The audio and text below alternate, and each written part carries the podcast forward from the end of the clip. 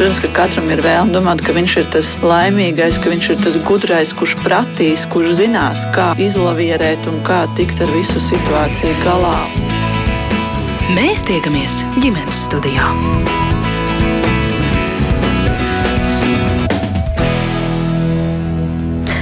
Labdien! Radījums ģimenes studijas sāk savu skanējumu. Jūs sveicināta producents Armīta Kolāta un mans vārds ir Agnes Linka.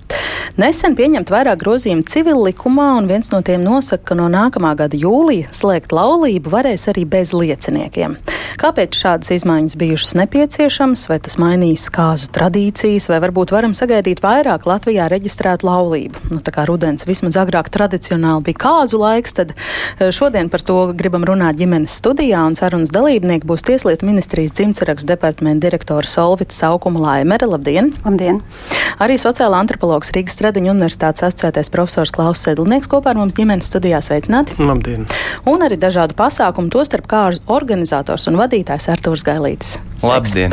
Kā laži arī jūs klausītājs esat laipni aicināti iesaistīties šajā sarunā, ja jums rodas kādi jautājumi, piebildes, pieredzes stāstī, komentāri vai viedokļi, droši dalāties ar mums ar tiem, rakstiet eh, mums ziņas radījumam ģimenes studiju, sūtiet tās no Latvijas radio mājaslaps, un tad jau mēģināsim iekļaut tās arī sarunā. Uh, vispirms es tā galvā uzbūvēju to mūsu sarunas gaitu, ka vajadzētu sākt ar faktiem un tad virzīties pie uh, viedokļiem. Uh, Solvit izstāstiet, lūdzu, kas tad īsti ir no A līdz Z mainīts civil likumā un kāpēc tās izmaiņas ir veiktas? Nu, ja mēs runājam tieši par šo liecinieku stāstu, tad šobrīd likums mums obligāti pārēdz laulību noslēdzot pieaicināt divus pilngadīgus lieciniekus. Ja? Tā ir tāda obligāta prasība. Nav likumā nekas konkrēti pateikts, cik vecs ir tas liecinieks vai, vai kāds dzimums, ja, bet nu, tā galvenais nosacījums, ka viņš ir pilngadīgs. Šis stāsts par lieciniekiem patiesībā nav jauns.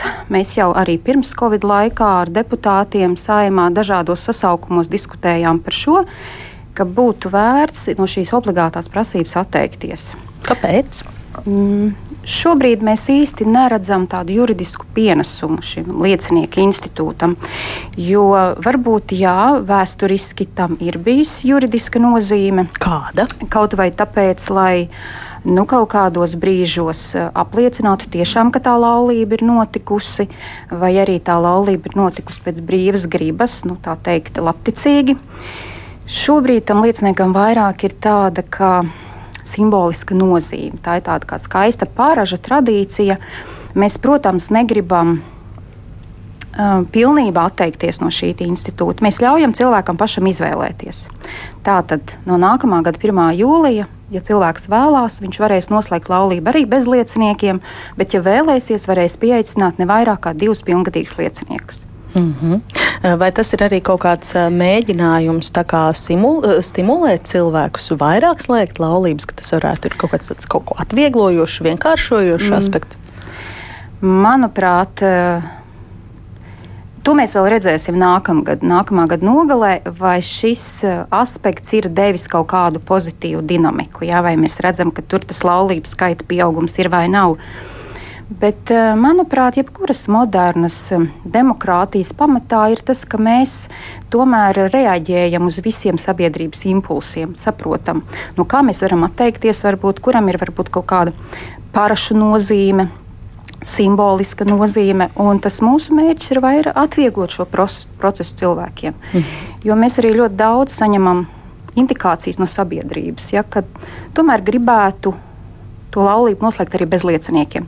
Šobrīd, manuprāt, tas regulējums ir tik demokrātisks, ka jebkurš var atrast sev vislabāko veidu, vietu, kā to laulību noslēgt. Galvenais, lai būtu tā vēlēšanās. Un, un ļoti daudzos gadījumos nu, cilvēki saka, es gribētu pavisam diskrēti bez lieciniekiem. Tikai mēs parakstīties un amatpersonu. Latvijā LV, kad pogu vai ieviest, ne? Jā, droši vien arī šādu iespēju cilvēks gribētu. Ja ka valsts viņa vietā izdomā, kāds viņam būtu tas labākais risinājums. Ja? Mm -hmm. Jebkurā gadījumā arī šeit ir vajadzīga tā cilvēka griba un līdzesība. Ja? Mm -hmm. Bet eh, mūsuprāt, tas ir tāds. Nu, sabiedrībai draudzīgs solis pretim, ja, ka mēs tomēr rodam iespēju, ja viņš nevēlas, ja viņš grib pilnīgi diskrēti. Lūdzu, lai tā būtu. Mm. Citu valstu pieredzi arī vērtējāt, kā ir? Uh, ir ļoti dažādi. Man liek, manuprāt, tās saucamās vecās Eiropas valstis tomēr pastāv uz to, ka ir šie liecinieki, bet ir arī valstis, kur atsakās no obligātās šīs prasības. Tā, tā pieredze ļoti dažāda, bet manuprāt, mums ir vairāk Jā, mums ir jāņem citu valstu pieredze, bet mums ir jādod varbūt cilvēkam tas, ko mūsu sabiedrība vēlās. Mm. Varbūt Igauniem jau ir tāda eh, poga kaut kur eh, e-sistēmās. Vajadzētu tā būt, ka viņi mums varētu būt priekšā šajā ziņā. Katru nedēļu mēs ģimenes studijā par civilu likumu nerunāsim, tāpēc izstāstiet arī par tiem eh, pārējiem grozītajiem punktiem. Tas, kas varbūt attiecās uz laulību, tad no nākamā gada 1. jūlija ir iespēja laulību noslēgt ar juridiskām sekām arī pie dievturu garīdznieka. Šāds, šāds, šāda iniciatīva saimā ir atbalstīta. Un tā tad nu, nākamā gada 1. jūlijā arī tāda iespēja būs. Nu, vienīgi te ir tāda neliela piezīme, ka um, pēc būtības līdz šim laikam ir jābūt pieņemtam likumam, kas nosaka tās savstarpējās attiecības starp valsti un šo reliģisko organizāciju. Un tātad tikai tajā brīdī, kad būs tas likums, šādas tiesības dievturiem būs, bet, protams, ne agrāk kā no nākamā gada 1. jūlija. Mm -hmm. Un uh, vēl tur ir tas, kas attiecas uz paternitātes noteikšanu. Varbūt ģimenes studija ir tā īstā vieta, kur to var izstāstīt īsti. Mm, tas, kas attiecās varbūt uz paternitātes uh, stāstu, tā tad. Uh, tika grozīta arī norma civil likumā, tas, kas attiecās uz paternitātes pieņēmumu apstrīdēšanu attiecībā uz bērnu. Ja, jo līdz šim bija tā prasība tāda, ka jā, bērns ir dzimis likumiskā laulībā un tas um, tēvs bērna dokumentos ir ierakstīts jau pamatojoties uz noslēgto laulību, tad līdz šim bērns pats šo paternitātes pieņēmumu varēja apstrīdēt divu gadu laikā pēc pilngadības sasniegšanas. Tas um, arī deputātu ieskatā nebija nu, tāds saprātīgs risinājums, mūsdienīgs risinājums. Līdz ar to paredzam to iespēju, ka šo patentāts pieņēmumu bērns pats var apstrīdēt divu gadu laikā no tā brīža, kad viņš uzzina. Jo tas uzzināšanas brīdis jau arī var būt ļoti. Tas var būt arī pirms pilngadības, bet tas var arī būt stipri pēc pilngadības sasniegšanas. Ja? Mm -hmm. Un šajā gadījumā, ja bērns to faktu neuzzina, nu, kaut kad no 18 līdz 20 gadu vecumam, viņam šāda iespēja principā nav. Un tātad, lai viņš būtu līdzvērtīgs arī ar pārējām situācijām, ja, kā tas mums civillikumā ir nostiprināts, tad arī tātad, tajā brīdī, kad bērns uzzina, nosauksim viņu par bērnu. Ja viņš jebkurā gadījumā saviem vecākiem ir bērns, neskatoties uz to, cik viņam ir gadu, tad no tā brīža, kad viņš uzzina, divu gadu laika termiņā, viņam šis pieņēmums ir jāapstrīd. Un, protams, ja bērns to uzzina vēl esot nepilngadīgs, tad viņam šis termiņš ir divu gadu laikā pēc pilngadības sasniegšanas. Mm -hmm. Tādas ir tās no, nu jā. pamata, varbūt eh, jaunās lietas, kas attiecās tieši uz ģimenes mhm. tiesībām. Mm -hmm. Ļoti labi esam ar to tikuši skaidrībā visdažādākajos at aspektos, atpakaļ pie laulībām un pie, tā, pie tām izmaiņām, kas ir veiktas uh, normatīvajos aktos. Kā no tāda antropoloģijas viedokļa šo var vērtēt uh, tieši attiecībā uz laulību noslēgšanu bez lieciniekiem, Klāva? Mm. Nu, te ir uh, tāds interesants, uh, interesants uh, aspekts, kas attiecas uz, uz to, kā mēs vispār uztveram, kas, kas ir laulības.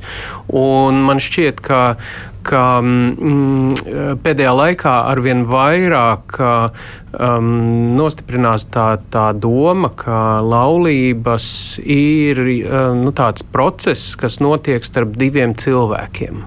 Nu, tas ir par to, kā divi cilvēki savā starpā nostiprina attiecības. Bet tā nav. Uh, laulības ir uh, kā, kā process, ir, nu, viņam ir tikai viens uzdevums, nu, tā pa lielam. Uh, nostiprināt šo divu cilvēku attiecības vai deklarēt šo divu cilvēku attiecības attiecībā pret pārējo sabiedrību. Ja, respektīvi, ja viņi gribētu vienkārši, nu, divi cilvēki sanāca kopā, grib dzīvot kopā, viņi varētu savstarpēji vienoties par to. Un viņiem ne, nekas pārējiem nebūtu jāsaka. Bet laulības ir par to, lai tie pārējie zinātu, ka šie divi kopā ir un ka, ka pārējie zinātu, kā pret viņiem tagad izturēties, kā pret tādiem, kas ir tagad oficiāli kopā. Un no tā izriet visādas citas lietas, ko mēs pārējie cilvēki, pārējā sabiedrība sabiedrība darām attiecībā uz šo. Piemēram, mēs pieņemam, ka ja viens cilvēks būs slims, tad mēs to otru privileģēsim. Mēs viņam ļausim pienākt klāt. Vai arī tad mē, mēs zināsim, kā atkal sabiedriskās institūcijas, tiesas un notāri un tā tālāk, kā viņi sadalīs mantojumu, piemēram, tad, ja viens no tiem nomirst un tā tālāk. Tā tālāk. Tas, uh, un tam ir vajadzīga šīs, uh, šī laulību procedūra, lai, pār, lai nostiprinātu šī pāra, uh, šo divu cilvēku vai citās sabiedrībās vairāk cilvēku ja, attiecības ar pārējiem, ar pārējo sabiedrību. Nevis par to, kas ir. Un šajā kontekstā tad ir tas, nu, tas jautājums par tiem lieciniekiem arī kļūst mazliet nu, plašāk interesants, jo tie liecinieki būtībā ir kaut kas tāds, kas kas nu, zināmā mērā reprezentē šo pārējo sabiedrību. Ja? Protams, ka no, uh, uh, tādā ziņā no viņiem atteikties nu, mazliet ir tā. Nu, iet pretēji šim un vairāk liek domāt par to, ka nu, mēs uzskatām, ka tas ir tikai par tām attiecībām starp šiem diviem cilvēkiem un, un turpinam šo vai, vai, vai pastiprinam šo, šo ideju. Uh, no otras puses, protams, uh, šeit jautājums ir par to, ka tagad uh, ka, ka ir tās attiecības kaut kādā veidā jāiereģistrē. Un tas, un tas nozīmē, ka, ka tas nu, valsts pārstāvis, notārs, ja, specializētais, ja, kas dzimsaraksts nodaļas amatpersona. Mācītājs var būt. Nu, mācītājs tā kā atvasināti laikam, jo tik un tā jau tas ir jāreģistrē ar valsts institūcijām, jo valsts institūcijas ir tās, kuras, kuras faktiski uzņem šo apkārtējās sabiedrības reprezentēšanas funkciju. Un, nu, un tad tas, tas tā, dzim, dzimtsarakstu nodaļas amatpersona būtībā jau veic šo, šo reģistrāciju, un tā tad ir kaut kur kāds papīrs, bet, eh, bet viņa nozīme atkal, vai reģistrā ieraksts, ja, viņa nozīme atkal ir šīs, šīs savstarpējās attiecības deklarēt pārējiem, deklarēt apkārtējai sabiedrībai. Tā kā uh, nu, tas, tā, tā, tas aspekts, kuru varbūt cilvēks saka, nu, ziniet, mēs gribētu tā ļoti diskrēti, nu, varbūt tad diskrēti vajadzētu arī turpināt diskrēti, jo tikko kā tu aizēji uh, aizēj uz to valsts institūciju, tā viņš tur parādās visās, visās vajadzīgajos reģistros, un tas jau vairāk uh, nav, nav diskrēti, un, un tā, tam arī nav jābūt diskrēti, jo, kā es teicu, ja, tas, ir, tas ir par par to, kā šis pāris sevi prezentē attiecībā pret pārējo sabiedrību. Uh mhm. -huh. Nu, man gribējās iestarpināt vai pret pārējo sabiedrību vai pret valsti. E, tas ir, tas, tas, pats, tas ir viens un tas pasākums. pats. Tas ir viens un tas pats šajā gadījumā. Valsts, valsts kā, vai apkārtējā sabiedrība. Jo, ja mēs paskatāmies arī tā, nu, mēs varētu teikt, ja ir kaut kāds valsts e, nu, noteikti tipi, ja, vai sabiedrības organizēšanās tipi, bet jebkurā gadījumā, pat tad, ja nav šāda birokrātiska kaut kāda struktūra, pārvaldes struktūra, kāda ir uh, mūsu sabiedrībā, arī tādā gadījumā laulības ir par to, kā apkārtējā sabiedrība. Mm -hmm -hmm. tur uh, ir iesaistīti. Tas tāpat ir arī Papua Jaungvinējas ciltīs. Tas ir tāpat Papua Jaungvinējas ciltīs un, un jebkurā citā vietā. Un, un, un šeit vēl, viena, uh, vēl viens aspekts ir, ka nu, ļoti bieži laulības īstenībā nav tikai par šiem diviem cilvēkiem, bet par, par plašāku arī sabiedrību, kas tur ir iesaistīta. Nu, mūsu sabiedrība ir, ir nu, tur šī, šī kolektīvā puse ir kļuvusi mazāka, ja, bet, bet jebkurā gadījumā tas tomēr iesaista arī tos pārējos, kuri nonāk atkal runājot civil, civil likuma valodā svainības attiecībās, ja, un starp citu, cik man zināms, ja es pareizi saprotu, svainības attiecības nekad nebeidzās, pat tad, ja viņas, ja laulība tiek izšķirta, svaiņi paliek svaiņi uz visu mūžu, tā ka viņi ir iesaistīti, un tā tad, ja divi cilvēki apprecās, tad viņi, tas nav tikai par viņiem abiem. Tas vēl ir par visiem viņu radiem, kuri pēkšņi ir, ir aprecināti. Un pat tad, kad šie divi nolems izšķirties, tie, tie svaini paliks svaini uz visu mūžu. Kāds ir ar tiem svainiem? Tā varētu būt. Jā, jā, jo, jā, jo, ja mēs runājam par šķiršanos, jā, nu tad laulība var izšķirt. Jā, bet mēs neko nerunājam par pārējām lietām, ja tas, kas attiecās uz svainību. Tas jā, no man uzliek kaut kāds pienākums. Nu, tas jau atkarīgs no tā. Esmu iepazinusies ar šo informāciju. Labi. mūžu dzīvo, mūžu mācies. Pavisam īsi, vai šis varētu veicināt to, ka uh, cilvēki biežāk izvēlas slēgt laulību? Varbūt nu, tie, kuriem tas diskrētāk gribās. E, es, es nedomāju, ka tā, ka tā patiešām ir kaut kāda, un, un es pat nedomāju, ka tas ir ļoti daudziem cilvēkiem problēma. Uh, nu, atrast divus cilvēkus, kuri, uh, nu, kuri, kuri varētu tur blakus būt un, un, uh, un parakstīties un liecināt. Nu, ja ministrijas pārstāvs saka, ir bijušas indikācijas. Ja, indikācijas no droši vien gan jau, ka ir atrodas eh, pāris eh, cilvēki, ja, bet es, eh, es domāju, ka tas nav, nu, tas nav kaut kāds uh, reāls šķērslis. Pat tad, ja mēs uzskatītu, ja, ka laulība ir kaut kas tāds, kas, kas mums par katru cenu ir jāveicina, kas arī, mm. starp citu, ir, ir, ir zem jautājuma zīmes tā kopumā ņemot. Mm.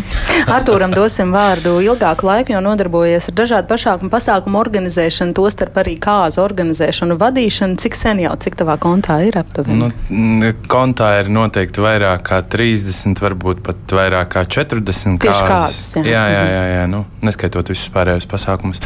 Uh, bet jā, šis ir interesants jautājums, par ko es ļoti, ļoti aizdomājos. Nu, arī par šo, vai precēsies vairāk vai nē. Uh, manuprāt, ka ir, nu, protams, ja mums būtu šis te termiņš, ka mēs aizējam un aprecamies uzreiz, un šīs impulsīvās kārtas būtu tā, daudz vairāk. Vegasā, jā. jā, jā, jā, tā kā Lasvegasā. Bet es pieņemu, ka arī šis veicinās. Labi, tie nebūs lieli procenti, bet tik un tā tas būs procents, kas veicinās cilvēkiem. Jo cilvēks sākot domāt par kāzām, nu, kā es esmu runājis ar līgavām, ar līgavēņiem un tā tālāk, un ģimeni un vispārējo. Viņi uzskata sev par pienākumu kā, rīkot svētkus, un pat ja ir tikai šie liecinieki, vedēji, nu, tad tik un tā vajag taču vismaz vakariņas. Un, nu, vajag svinīgas vakariņas, tas nedara kafejnīcā, bufetē. Ja?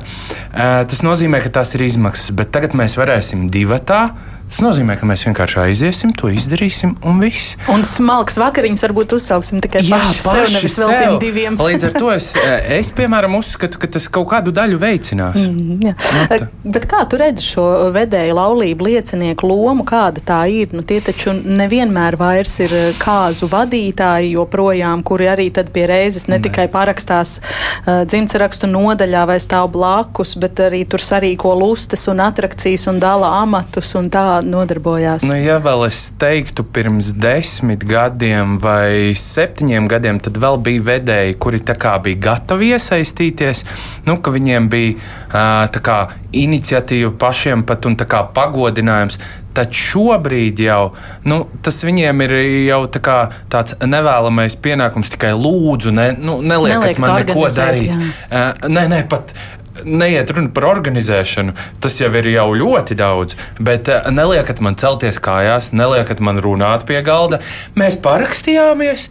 Un ar to arī mūsu pienākums beidzas. Viss aizslēdzam šo. Un, ja arī pirms kaut kādiem gadiem kā, eh, pie galda sēdēja jaunais pāris vedēji, vecāki un tā tālāk, nu šie kāzu hierarhija, varētu teikt. Jā. Tad eh, šobrīd tas ir tā, ka eh, jaunais pāris sēž vieni paši, vai draugi, eh, vai tur jautrāka kompānija, nevis tie ķeksīši pēc vedēji, kuriem, nu, kuri tā kā šī paraksta dēļ ir bijuši. Mm. Nu, Ko līdz... tad aicina, ja ne tuvākos draugus par, par lieciniekiem? Bet visda, visdažādā, nu, un šīs kombinācijas arī, ko aicina. Agrāk bija, nu, tā kā, ka tam jābūt precētam pārim, lai kas jā, jā. Pieredzējušāki, kuri ieved tā kā šai jaunajā laulību dzīvē un tā tālāk. Tad šobrīd tas ir, es domāju, random, kurš parakstās. kurš būs, parakstās parakstīties? Būs, jā, kurš parakstās parakstīties, būsim reāli. Kuram Protams, ir dokumenti līdzi? jā, kur, kuram ir dokumenti līdzi vai, vai, vai kā savādāk. Bet nu, arī tas, ka. Uh, Nu jā, nu, manuprāt, tas vairs nav tik, tik, tik būtiski. Un, ja loma kāzās un tā, nu, tad es pilnīgi saku, ka pilnīgi noteikti ne. Protams, ka vienmēr ir kaut kāds procents, kuri tam pieiet tiešām nopietni un zvana vadītājiem. Un vadītājs ir nelaimīgāks, jo ir reizēm bijis trakāk nekā līgava. Nu, kad tā vedējumāte satraucas daudz vairāk par visu, un kad man tagad būs jāceļās, un kad man tagad būs jārunā, un vai mēs tā kā nāksim iekšā, būs tas un tas jādara, un, un kurā brīdī mums mēs varēsim atslābt. Kā, ja? nu, ir, ir dažni dažādi, bet nu, jā, tas vienmēr ir visādi izņēmumi. Nav tā, ka šīs modernās kombinācijas un tā vaļīgā pieeja tam visam ir tādās kāzās, nu, kuras ir pietiekami lielas vai pietiekami greznas, ka izvēlas kāzu vadītāju, un tad no tiem vedējiem viss ir, visa atbildība un visa rūpe ir noņemta. Nē, pēdējā laikā, nu, ņemot vērā visus apstākļus, kas mums ir apkārt, pēdējos divos gados ir mazās kāzas ļoti daudz bijušas. Un uh, tad vai nu ir tā, ka vispār nu, nav nekādu lomu no sērijas vakariņas. Arī, piemēram, pie maniem tur atbrauc vakariņas. Uh, izvēlas kaut kādu šikāku vietu vai kaut ko, nu, ņemot vērā to, ka tas budžets uh, paliek drošībā, ja nav kāzu vadītāju un visa un visa, tad izvēlas varbūt kaut kādu nu, kā foršāku vietu. Bet tad ir vispār bez nekā, nu, un reti kaut kad varbūt bet es pat teiktu, ne vedēji, bet draugi uzņemās kaut kādas ampeles tur un kaut kādas attrakcijas, nu tādā veidā. Mm. Edīte mums raksta, nolasīšu viņas eh, teikto ļoti priecājos par šo iespēju un šo izmantošu. Nebūs gan pilnīgi diskrēts pasākums, būs ciemiņi, bet negribas atsevišķi citus divus cilvēkus ievilkt tik tuvu mūsu ģimenē. Un eh, viņa arī jautā, vai šī iespēja attiecas arī uz laulībām baznīcā. Pēc būtības eh, garīdznieks laulā pēc savas konfesijas noteikumiem. Bet es pieņemu, ka tas varētu arī būt eh, baznīcās aktuāls. Jā, šis stāsts par, par to, ka vairs šie liecinieki nav obligāti. Mm -hmm. bet, eh, bet mēs ar garīdzniekiem šo jautājumu vēl neesam tā izdiskutējuši, kā tas būs procesuāli, tad, kad mēs līdz šai normai nonāksim. Bet, bet es pieņemu, ka tas tā varētu arī būt. Jā. Mm -hmm. Es domāju, ka tur tik vienkārši viss nebūs. Tāpēc, ka dažās vismaz pareizticīgo baznīcā ir zināms, ka ir šie krusta vecāki, kuri, kuri tur to vainagu cilvēkam virs galvas, un tad viņus palīdz salauzāt. Uh, tā kā uh, tur tik un tā tie kaut kādi citi cilvēki, no atkarībā no tiem no, no konfesiju noteikumiem, es neesmu speciālists visās, uh, visās ziņās, bet. Um, Bet es pieļauju, ka tur nevarēs vienkārši tā, ka tagad būs tikai mācītājs un, un, uh, un bez viss. Tāpēc, ka baznīcai ir uh, jāseko saviem uh, priekšrakstiem, tāpat kā civili dzimtsrakstu nodaļā. Mm, viņām civil likums nav tik svarīgs, lai nu, viņiem ir citi likumi, kur ir, iet, jā. kur ir daudz svarīgākie. Ir... Nē, tas, kas varbūt attiecās uz laulības noslēgšanu, tur garīdzniekiem ir jāizprot šīs laicīgās lietas, un ja valsts viņiem ir deleģējuši šo laulības noslēgšanas funkciju, te viņiem ir jāpārzina šīs lietas. Bet es piekrītu šajā ziņā, ka varbūt ne visas konfesijas būs gatavas atkāpties nu, kaut kādas modernas pieejas pēc. Ja? Viņiem ir savi kanoni, priekšraksti un, Un diez vai tāds civil likums viņiem tā vienkārši ļaus uh, atkāpties no šīs prasības par lieciniekiem. Galu galā tās ir gadsimtiem ilgas tradīcijas, tam ir savu, visam sava nozīme. Ir, ja? mm -hmm. Jā, Bet tam es, ir cita nozīme. Tur tas tā. jau nav liecinieks, tā, viņš ir uzņēmis to funkciju, no, sponsora jā. funkciju mm -hmm. no pēdiņās, ja, tā kā uh, no kūma, viņš kā, kā krusttēvs, ja, dažādās valodās dažādi sauc. Ja. Mm -hmm. nu, ja. Es jā. domāju, ka pēc šī raidījuma arī būs, kas man likās likās vispār, es pirmo reizi kaut ko tādu dzirdēju, nu, ka liecinieks jebkurš var būt ja, 18 gadus veca persona. Es domāju, ka pēc šī raidījuma mums Latvijā būs arī liecinieki tikai sievietes vai tikai vīrieši, jo nu, vēl šādu es neesmu redzējis, ka būtu liecinieki viena dzimuma cilvēki. Parasti ir uh, vīrietis un sieviete. Jā. Bet es pieņemu, ka šis raidījums kultivēs jaunu trendu sabiedrībā. Es esmu pieredzējis, un es pats biju vienā šādās par liecinieku. Aha, tikai jā. divi vīrieši. Tā, tā, tā bija vienkārši sakritība tāda, ka nu, tā sanāca, ka bija uzaicināts. bija aizmirsušies dokumenti, jā, tai, tai sieviešu kārtas lieciniecei. Un, un tad uh, man gadījās ka bija dokuments līdzi, un es piedalījos. Un tās bija kādas absolūti, uh, uh, absolūti nu, diskrētas, mazas, bez, uh, bez uh, pusdienām un, un, un tā tālāk. Pavisam bez, jā. Un kā varbūt šo aspektu mēs varētu pakomentēt, ko Edīte raksta, ka tos lieciniekus negribas, tāpēc, ka negribas atsevišķi citus divus cilvēkus ievilkt tik tuvu mūsu ģimenei. Nu, galīgi tas jau nenozīmē to, ka viņi pēkšņi ienāk tavā ģimenē. Uh, principā, Bet varbūt šie... tas ir tas, kā mēs to izprotam, ka tie ir tie vedēji. Jā, nu, droši vien iespējams, ka tā to izprot, bet pēc būtības, pēc tā likuma būtības, viņiem pat nav jābūt pazīstamiem. Viņi var būt cilvēki uz ielas, kur noķēra aiz rokas, paprasīja, vai ir pasa līdzi un, un, un palūdza izpalīdzēt. Nu, ir tie romantiskie stāsti kaut kādi. cilvēks psiholoģija, ko es pats arī savā draugu lokā un visur esmu pieredzējis, ka vienkārši nu, cilvēks tā tad viņš ir uzņēmies šo saistību, un viņam šķiet, ka viņam arī katru gadu ir jānes šis. Krusts, ko viņš ir uzņēmies, ka viņš tagad eh, nu, ir jāatzīmē katru gadu šī kāzu jubileja. Jā, jā, ir jāapsveic. Tas nozīmē, ka nu, automātiski arī dāvanām ir jābūt. Nu, un būtībā nu, tur jau arī šis te ir, ka, uh, ka vedēji neparakstās jau jebkurš par šo vedēju būt, jo viņš saprot, ko viņš uzņemās, jo kādas ir bijušas šīs tradīcijas līdz šim. Nu, tā kā un tas viss. Mm, jā, Silvija raksta nu, ļoti labi, ka nevajadzēs lieciniekus. Piemēram, Beļģijā jau pirms 15 gadiem nevajadzēja lieciniekus, un ne jau diskrētums te ir svarīgs. eh, Tieši liecinieki it kā būtu vēlāk jāpietuvina savai ģimenei, ko negrib darīt jaunais pāris. Tā droši vien tā tradicionālā izpratne mums eh, vēsturiski tā veidojusies, bet tiešām no likuma raugoties tam lieciniekam ir tāda, nu, tas var būt jebkurš pilngadīga persona. Un, un no dzimstarakstu amatpersonu stāstiem mēs ļoti bieži dzirdam to, kad ir atbraukuši, ir liecinieki, ir gatavojušies ļoti rūpīgi tam, tam, tam gadījumam, bet atbrauc un tad ir pasaidarīguma termiņš beidzies, tad ir aizmirsies, tad ir palicis citā žaketē, tad ir eh, aizmirsusies persona apliecība mājās, un tad no viesu vidus ir jālūdzās, burtiski jālūdzās, lai kāds, kurš būtu ar mieru uh, to, to vietu aizpildīt. Un ļoti bieži, cilvēki nevēlas tieši saprotot to, ka tas viņš uzņēmās kaut kādu dziļāku, varbūt, lomu un atbildību. Nu, mēs ja, tam piešķiram, jā, simbolisku Un tad ir nereti, vērtību. kad arī atnāk diskrēti pāris, kā mēs runājam, ir tikai liecinieki un divi laulājumie, un, un kādam no viņiem nav tā dokumenta līdzi.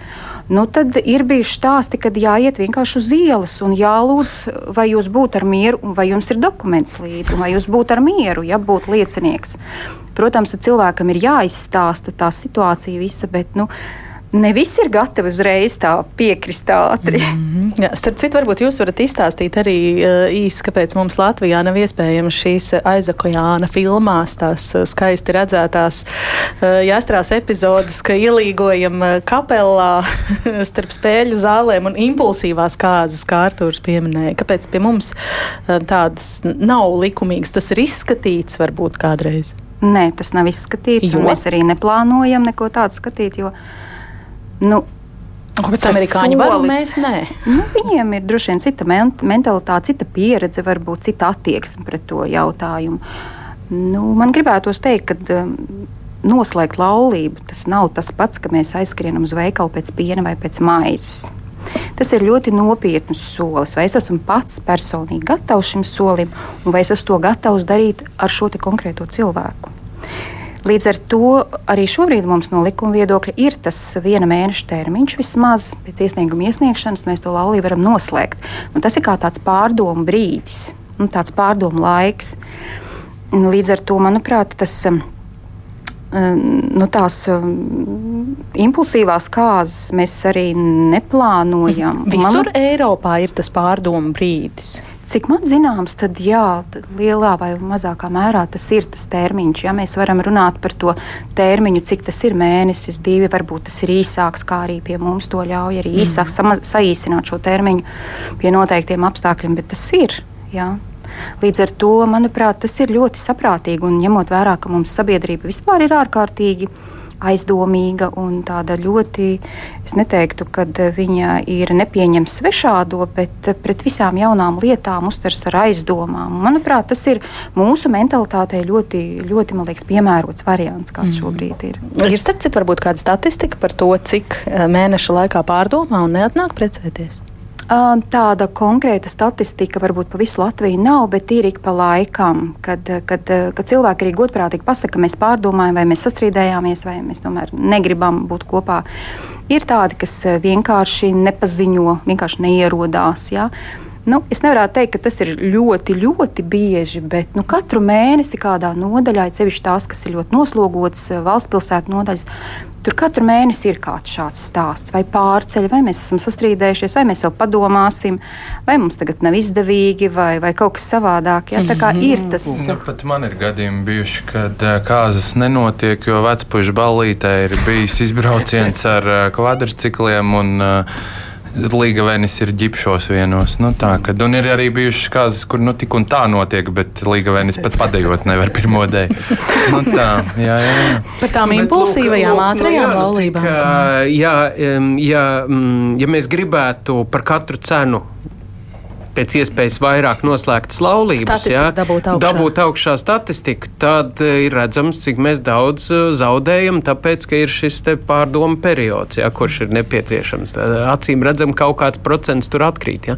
Bet, bet no, no, no tādas nopietnās puses civil likumā jau ir ļoti daudz tādas, nu, tādas tradicionālās normas iestrādātas, kuras mums ir bijušas ilgi pirms civil likuma dažādos, dažādos aspektos aspektos, un, un bieži vien par civilu likumu tiek runāts, ka tas tāds ļoti moderns uh, likums 38. gadā toreiz pieņemtais, ja?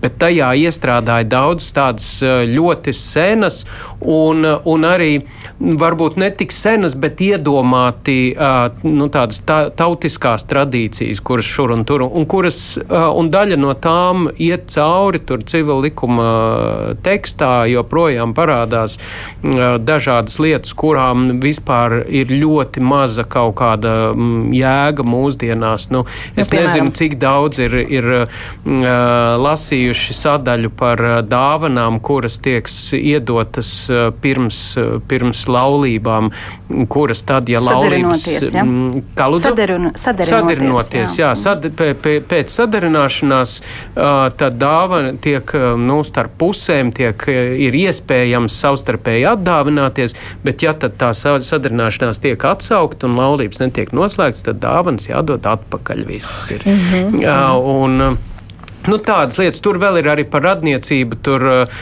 dažādi termini, kuriem galīgi vairs nav nekādas uh, nozīmes, piemēram, cilts un, un, un tādas, tādas lietas, kuras parādās uh, tekstā, bet kuras, kuras, kurām nav vairs nekādas konsekvences. Mm -hmm. Simona mums raksta, ka īsti nesapratu par lieciniekiem, bet mana liecinieces katoļu baznīcā pirms 11 gadiem bija mana labākā draudzene un bērnības draudzene, kuras pirms tam kļuva par mūsu krustmātēm.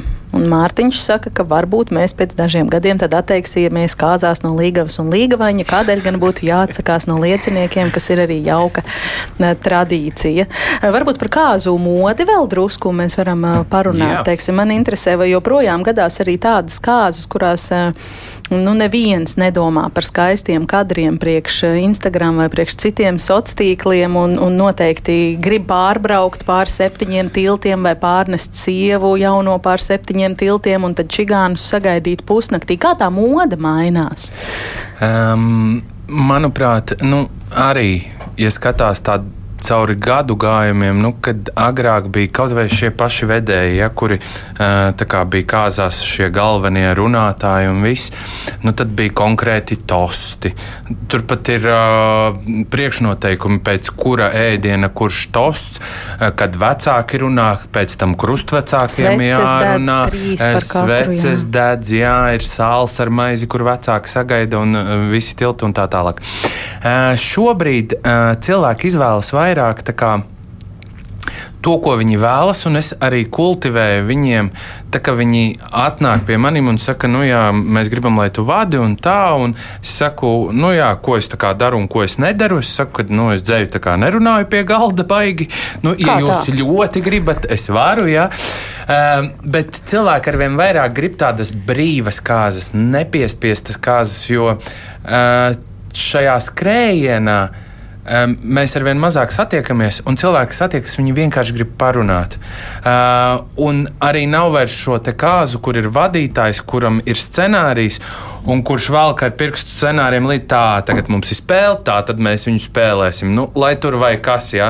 Tas nekas, ka visi čilo, kā mēs sakam, vai pļāpā, vai dejo. Nē, tagad ir jāspēlē spēle.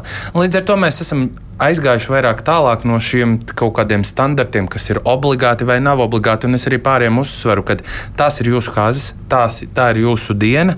Nav nekas obligāts vai neobligāts, vai tam tur bija, vai tam tur nebija. Mēs bijām kāzās, tur bija tā, ka obligāti bija uz tā šķīvī jākāp. Es saku, nu, bet. Uh, jūs varat to nedarīt, jo tās ir jūsu kāzas. Mm. Uh, vai, vai pasargā Dievs vēl, nu, nu, kad šīs tradīcijas ir tādas, ka nu, mēs pieņemam, ka precās jauni cilvēki, bet mūsdienās precās arī uh, cilvēki, jau, kur ir dzīvojuši kopā, kuriem jau ir ģimene, bērni un tā tālāk. Nu, kāda šķīvja kāpšana, kāda bērnu skaitīšana? Protams, mm. ka to var apspēlēt. Un uh, daži ne dažādi, ja tur pasmieties un pajokot. Uh, tilti jau ir pilnīgi Nu, tā kā pagājis laikmets. Jā, Aha. jā nu, man nav bijis pēdējo piecu gadu laikā tilti. nu, jā. Nē, meloju. Jēlgavā parkā pa upi gāja pāri tiltiem. Jā, pagājuši gadu. Jā. Labi, nu lūk, tātad. Bet uh, skaisto bilžu, skaisto fasāžu Protams. laikmets ietekmē kāzu norisi visu procesu. Nu, jā, jo ja mēs ņemam tā tīri procentuāli budžetiski kāzu budžetu, tad nu, es gribētu teikt, ka savi 30% aiziet dekorācijās. Mm -hmm. Gan uz galda, gan kurš... fotostūrim. Mm -hmm. nu, nerunājot jau, protams, par fotogrāfu vai mm -hmm. 360 Pilnētā, video kamerām, un kas tik ne tagad vēl ir topā. Jā, jā, jā, jā. Nu, tā, lai mēs varam izrādīties. Jā, es atgādināšu, ka šodien ģimenes studijā mēs runājam par kāzu tradīcijām un šādām tādām arī likumiskām izmaiņām šai sakarā. Un sarunu biedri ir Tieslietu ministrijas pārstāvs Olvits Saukuma Laimers, sociāla antropologs Klāvs Sedlnieks un um, kāzu rīkotājs vadītājs vadītājs Artūrs Gailītis. Jā, šobrīd mūsu sarunai piepulcēsies vēl kāda dalībniece. Laura pati ir precējusies, un viņa arī ir bijusi lieciniece un vedējumāte draugu kāzās, un tā kā kāzas viņai vispār nu, ļoti patīk, tad patīk arī bez kāda īpaša statusa vienkārši tās palīdzēt sarīkot citiem draugiem un tuviniekiem. Kā viņa raugās uz ideju reģistrēt laulību bez lieciniekiem, kāda ir viņas pašas kāzu pieredzē, paklausīsimies Lauras stāstā. Pirmām kārtām man bija ļoti svarīgi, lai vīrs ierodās, protams, jo viņš nepārdomā. Bet um, tā vīzija manējā bija tā, ka galu galā baznīcā Dievu priekšā doto jāvārdu. Tas man bija ļoti svarīgi, jo, manuprāt, laulība nav tikai papīrs. Tas ir kaut kas daudz, daudz vairāk par ģimenēm. Man bija galvenā tā salauzāšanās daļa, kad esam es ar vīru un kad ir mūsu vedēji, kur arī mēs klātbūtnē jūtamies droši, un ka viņiem arī viss ir pa lielam uzticēts, kad mums pašiem tajā brīdī ne par ko vispār nav jādomā, ka mēs esam tur, tajā mirklī, jā, un, protams, visi pārējie mūsu mīļie blakus. Jums bija liels pasākums, lielas svinības? Mums bija diezgan, jā, mums bija 75 viesi, jo mēs sapratām, ka tā ir tāda diena, kas ir cerams vienreiz mūžā mums abiem diviem, un ka gribās tā, lai jā, tie tuvinieki tomēr ir klāt klāt, un arī, ka viņi ar mums redz un piedzīvo, un ka mēs jūtamies mīlēti, apčubināti, ka mēs zinām, ka viņi visi ir klāt. Un kāda tajā dienā bija jūsu liecinieku loma, vai viņi tikai parakstījās attiecīgajos dokumentos, vai viņi bija arī kāzu rīkotāji, vai viņi bija jūsu vedēji? Mums ar vīru bija pats galvenais noteikums, ka tajā dienā mēs ne par ko nedomājam. Tāpēc mums ir šie vedēji, liecinieki, kas gan baznīcā parakstās dokumentos, kas arī pēc tam to visu dienu, kad mēs viņu varam baudīt, kad mums nav jādomā, kas sekos nākamais, kas ir izdarīts, kas nav pilnīgi viss bija uz viņu pleciem. Nu, kādas nianses tur, protams, mēs paši, bet nu, tā pa lielam tā visa, visa diena tā bija tikai, tikai viņiem nodota. Mēs bijām pazīstami ļoti īsu brīdi. Šis pāris, kuri nu jau arī ir precēti, kuriem arī mēs, starp citu, bijām vedēji. Ar manu vīru vedējumāti viņi bija kā bērnības draugi. Un viņi it kā kaut kur figurēja man vīra dzīvē visu laiku, tad viņi ievācās mūsu pilsētā uz palikšanu. Mēs arvien vairāk, vairāk sākām draudzēties, un tad arī sekoja ceļojums, kurā vīrs uzrunāja mūsu nu, jau vedējumāti, ka viņa, lai palīdz izdomāt šo bildinājumu, viņi piedalījās arī bildinājumā. Es pat teiktu, ka gandrīz izplānoju, jo man vīrs bija galīgi satraucies par to visu. Viņi jau ir mums kā ģimene, ka viņi visu laiku ir tepat blakus. Un, jā, šajā bildnājuma dienā viņi arī bija blakus. Un es domāju, ka viņi jau bija nojauta, jā, ka mēs viņus uzaicināsim kā vedējus, jo tur nebija variantu. Bet jā, mēs ar vīru atbraucot no ceļojuma, jo mēs ļoti ātri saplānojām kāzus. Mēs jau zinājām, ko mēs gribam pa lielam, kas ir tie punkti. Tos arī atrisinot, mēs arī ļoti ātri uzrunājām vedējus. Viņi teica, jā, ka viņi pārdomās, bet nu, mēs jau redzējām viņa acīs to atbildi, ka, jā, ka viņi piekrīt. Tur nebija divu domu, kā, kas varētu būt vedēji un vai viņi nepiekritīs. Mēs uzreiz zinājām, ka viņi piekritīs un ka viņi būs īstie cilvēki, kam uzticēties. Kad mēs precējāmies, viņi vēl nebija salauzti, bet uh, mēs zinājām, ka tas notiks. Un, uh, nu, mums šobrīd divas arī meitiņas ir. Mēs viņus arī esam uzrunājuši kā krustvecāki. Viņi ir tepat, kā jau minēju, viņi ir ģimene. Ne, nebaidītos apgalvot, ka viņa ir mana labākā draudzene un vedētājs ir vīra labākais draugs.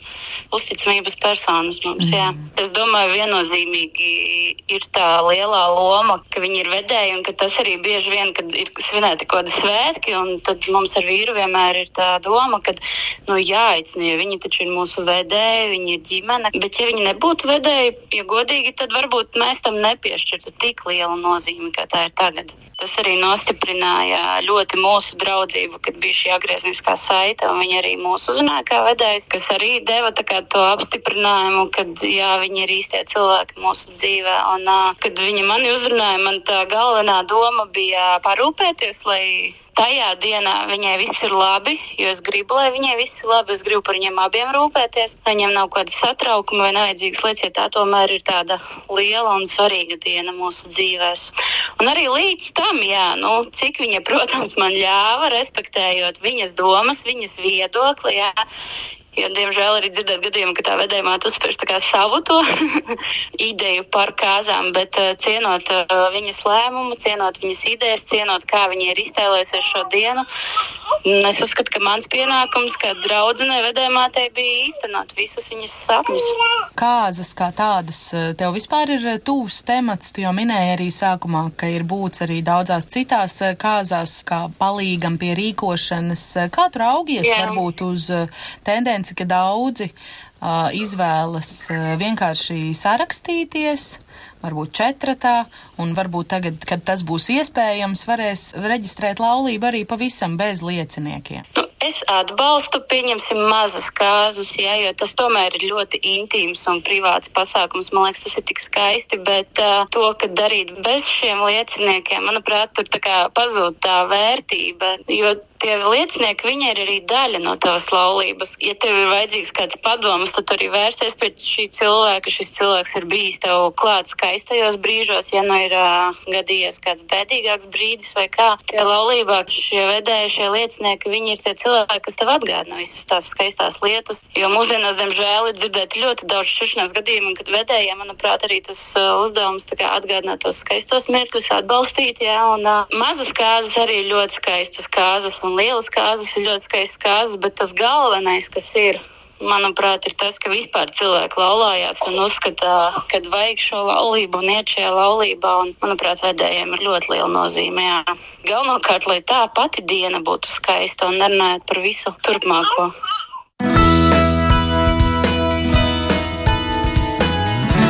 Tāds lūk, Lauras viedoklis eh, ģimenes studijā. Kāds repliks varbūt par dzirdēto? Ļoti optimistiski. Es gribētu teikt, pat laimes stāsts, eh, jo, nu, visbiežāk jau tie vedēji aizmirst un aizmirstās, un tas tiešām ir tikai tā brīža, tas impulss. Mm. Nu, tā. Kā Zana mums raksta, būt vedējiem ir apgrūtinājums, ne gods. Klau, par ko jūs domājāt, klausoties Lauras stāstīt? Starp citu, gods uh, vienmēr ir apgrūtinājums arī kaut kādā ziņā, bet, uh, uh, bet um, nu, tāda vedēju krustvecāku kūmu uh, institūcija sabiedrībā uh, vienmēr ir bijusi saistīta, jo tā, tādas, uh, nu, tādas personas uh, ļoti bieži pastāv sabiedrībās, gan attiecībā uz, uz bērnu um, kristībām vai līdzīgām uh, ceremonijām, gan tāpat arī uz laulību, daž, daž, dažādām ceremonijām. Vienmēr ļoti bieži šeit ir iesaistīti kaut kādi pieaicināti cilvēki, kuri ir vai nav no radiem, uh, bieži vien nav no radiem, un, un tā viena no, no funkcijām ir tāda, ka tu šādā veidā nu, paplašini to cilvēku loku, uz kuriem tu vari vairāk vai mazāk paļauties. Tāpat kā krustvecāki bērniem. Ja? Tiek, tiek izvēlēti, nu, tur ir varbūt dažādi vai no, nu, vai, vai no radu vidus, vai no nenoradu vidus, ja? arī atkarībā no, no tām tradīcijām. Ja? Bet, bet tā, tā būtība ir izveidot vēl tā papildus attiecības ar cilvēkiem, uz kuriem tu vari kaut kādās grūtībās paļauties. Tā kā paplašināt nu, ģimeni. Tā kā nu, savā ziņā paplašināt vai nu ģimeni vai vienalga kādā veidā, bet šos, mm. šos sociālos tīklus, lai, lai, lai nu, kaut kādā papildus drošību iegūt vai papildus kanālus. Ja? Bērniem bieži vien izvēlas tur ļoti cienījamus tos cilvēkus. Tāpat arī var, var jau būt principā varētu arī kāzu liecin, par kāzu lieciniekiem aicināt kādu ļoti cienījamu cilvēku, prezidentu vai jā, ministru piemēr. prezidentu vai, vai, nu, vai kaut ko tamlīdzīgu. Jā, jā, jā, tādā veidā. Ja, tu, viņu, tu viņu uzaicini ar domu, ka viņš tagad kļūs tev kaut kādā ziņā svarīgs un tu vari, varēsi izmantot šos, te, šīs attiecības, to, to pienākumu, kas, ko viņš būs nu, uzņēmies. Mm -hmm, jā. Laura jau savā teiktajā arī uzsvēra un minēja, ka svarīgākais ir tas, ka cilvēki vispār slēdz laulību, lai tās būtu lielas vai, vai mazas uh, svinības, uh, teiksim, nu, no tiesiskā viedokļa, kāpēc to darīt vai nedarīt. Latvijas valsts taču grib, lai mums būtu oficiāli vairāk reģistrēto laulību. Protams, un, un šajā ziņā mēs uh, nu, nekādīgi nevaram salīdzināt laulāto attiecības tad, kad laulība likumā noteiktajā kārtībā noslēgta no nu, tādas vienkāršas kopā dzīvošanas. Ja mēs vienkārši izlemjam, mēs dzīvojam kopā. Te, protams, tas laulāts pāris ir vairāk aizsargāts tādā tiesiskā ziņā, gan, gan personisko attiecību ziņā, gan arī mantisko attiecību ziņā. Ja? Tā kā jebkurā gadījumā tas, man liekas, jebkuras varbūt tā personas interese ir balstīta uz to, ka jā, mēs, mēs esam izvēlējušies šo ceļu, mēs zinām tās sekas, kādas būs. Tas, manuprāt, rada tādu pastiprina to dzīves kvalitāti, ja, ka mēs esam pārliecināti, kas ir tas otrs. Es esmu svarīga viņam, viņš ir svarīgs man. Un, un tādā ziņā, manuprāt, tā dzīves kvalitāte tikai pilnveidojās. Mm. Ja. Jā, un var vēl nodefinēt attiecības ar pārējo sabiedrību. nu, tieši tā, jo savā ziņā nu, mazliet ironiski ir tas, ka cilvēki saka, vismaz viens no rakstītājiem teica, ka es negribu savā dzīvē iesaistīt tik tuvu tā, divus cilvēkus, mm -hmm. bet tajā pašā laikā ar pašu laulības faktu tu iesaisti visu valsti, nu, visu valsts institūciju smagumu savā dzīvē. Jo, jo laulātie tiek aizsargāti, jā. Ja, papildus jā. viņiem, un, un ja kaut kas notiks, tad mēs varam paļauties, ka kāds jā, atnāks un iesaistīsies. Jā. Jā. Tieši gaidis par šo rakstu, kad biju ekskursijā Vācijā. Gide stāstīja, ka vācieši nezin, ko darīt ar kāzu reģistrācijas namiem, kas pieder pašvaldībām, jo vācieši vairs neprecas. Viņiem precoties tikai musulmaņi, kad bija Anglijā tur apmēram tas pats.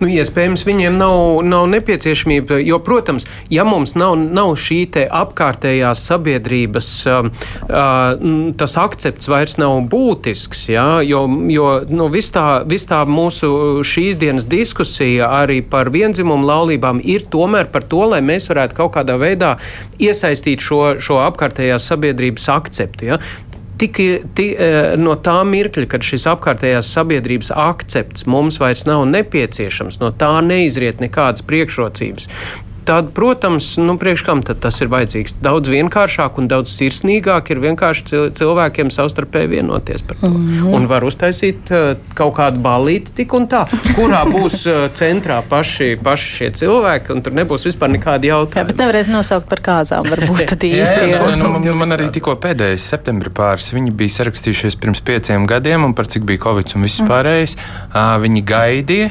kad viņi varēs, un viņi pārcēla savas kārtas četras reizes. Līdz viņi beidzot nosvinēja ar rādiem, viņi, viņi iepriekš bija sarakstījušies dzimšanas pirms tiem pieciem gadiem, un tagad viņi baznīcā laulājās. Un bija arī tā ballīte, bet, eh, bet arī par tām vēlmēm un visu, cik ļoti viņas mainījās. Jo, ja mēs ar to Ligu runājām pirms pieciem gadiem, kādas viņai bija vēlmes un sapņi un viss, viņa pati arī teica to, ka nu, tagad es esmu tik daudz izsvītrojis no tā sarakstiņa, nu, tā reāl, realitāte, ja, jo viņiem arī uh, meitiņa un viss. Nu, tev noplūk tās expectācijas, ko tu gribi. Jo līgavas ir bijušas visdažādākās. Vienā reizē arī atnāk uz konsultāciju, līgava ar līgavēni, līgava vienā elpas vilcienā, franču stilā, tur vēl kaut ko. Un pēkšņi viņa piefiksē to, ka viņš sēž telefonā tev tās kāzas neinteresē, vesels skandāls uz vietas. Nu, tā ka līgavas arī ir visdažādākās. Tur var eh, komēdijas arī alus filmēt vienu pēc otru. Nu, jā, uz humora nots mēs varbūt varētu arī noslēgt, jo es zinu stāstus no daudz pieredzējušiem kāzu fotogrāfiem, kas ir stāstījuši, ka gadās arī tā, ka jaunais pāris vai nu kāzās vai tādā īsā laika sprīdī, nu, kamēr tur notiek bilžu apstrāde un agrākos laikos izdruka, nu, ka tur tajās pāris nedēļās tādas sāplēšas, ka tad, kad tu atnāc pie viņiem ar savām bildēm un vēlies saņemt saņem darba samaksu, tad tās nevienam vairs nav vajadzīgs paturēt savas bildes un ne no kurienes nācis. Tev nav tāda līdzīga pieredze stāsta pagājušā gadījušies. Uh, nē, nu es zinu, ka ir pāri šķīrušies. Kā... Kāzu dienā? nē, nē, nē, nē kāzu dienā nē, bet uh, nu pēc tam nedēļu. Bet, nu, ma, man, paldies Dievam, tas neskaras. Esmu no, novadījis, izdarījis savu tā vakara darbu. Un... Mm -hmm. nu, jā. Um, Ilva mums raksta, viņai 56 gadi. Es eju līdzi laikam ļoti priecājos, ka kāzās vairs nav tradīcijas laukt kazu, pārtīt eh, bērnu nu, vai lelli, apčamtīt vīriešu kājas ar aizsietām acīm, mēģinot atrast savu vīru un citādas izklaides, kas bija manās kāzās. Savukārt Austris raksta, ka vedēji un krustvecāki agrāk bija svarīgāk, jo nebija valsts institūciju, uz kurām paļauties, piemēram, vecāku nāves gadījumā, tāpēc arī zūd šī nepieciešamība, lai gan neizslēdzu, ka tas var noderēt arī mūsdienās, bet mainoties sabiedrībai, tradīcijas arī mainās. Jā, bet eh, vēl ko es vēlos par tradīcijām piebilst un par šīm, eh, kad eh, kazas slaukšanas, bērnu pārtīšanas, ka šobrīd tas nāk tā kā nu, tāds vecais labais, ka tas jau ir tā kā tāda odziņa taisa kāzās. Nu, mēs negribam tās tradīcijas, visus tur septiņus tiltus, vēl kaut ko šķīvis plēst un, un tā tālāk. Bet kad šīs spēles, piemēram, man ir jāvada viena dzimšanas diena tūlīt. Uh, viņi speciāli gribēja visas jancīgās, agrākās spēles, kad uh, tur skriešanas, lekšanas, uh, pildspalvas, tēmēt pudeļu kaklos un ko tik nevēl. Ja? Un sistri papēta balons. jā, jā, jā, un balonu dejas. Tā ka tas ir tāds piedūriens. Nu? nu jā, viss jaunais taču ir labi aizmirsts jā. vecais. Un, Precīzi. un, un 80. un 90. šobrīd ir īpaši modē. Paldies par sarunu ģimenes studijā. Es šodien um, teikšu Artūram Gailītam, Klāvam Sedlniekam un Solvitai Saukumai Laimerei. Un redzējumu šodien uh, veidoja Sarmīta Kolāta, pieskaņa pults bija Katrīna Bramberga, man sauc Agnes Linka. Rīt ģimenes studija, kā piekdienās ir, es dodas ciemos šoreiz pie Rūtas Mīlgrāvas ģimenes. Rūta jau vairāk nekā 30 uh, gadu vada Āgenskalna mazo burtiņu skolu, un tie, kuri tur burtus mācījās paši pirms gadu desmitiem, tagad uz šo skoliņu izrādās ved arī savus uh, bērnus, cik ļoti šajā darbā iesaistās un palīdz visu Rūtas ģimeni, kāpēc viņi viņiem ļoti patīk pārdaugaut. Tie ir tikai daži jautājumi, ko ar Milgrāvi ģimeni pārunās man kolēģi Mērīdz Notiņa, kā vienmēr no diviem līdz trījiem, un, protams, klausieties arī mūsu podkāstos Latvijas radio mobilajā lietotnē un sekojiet ģimenes studijai sociālos tīklos. Uz sadzirdēšanos!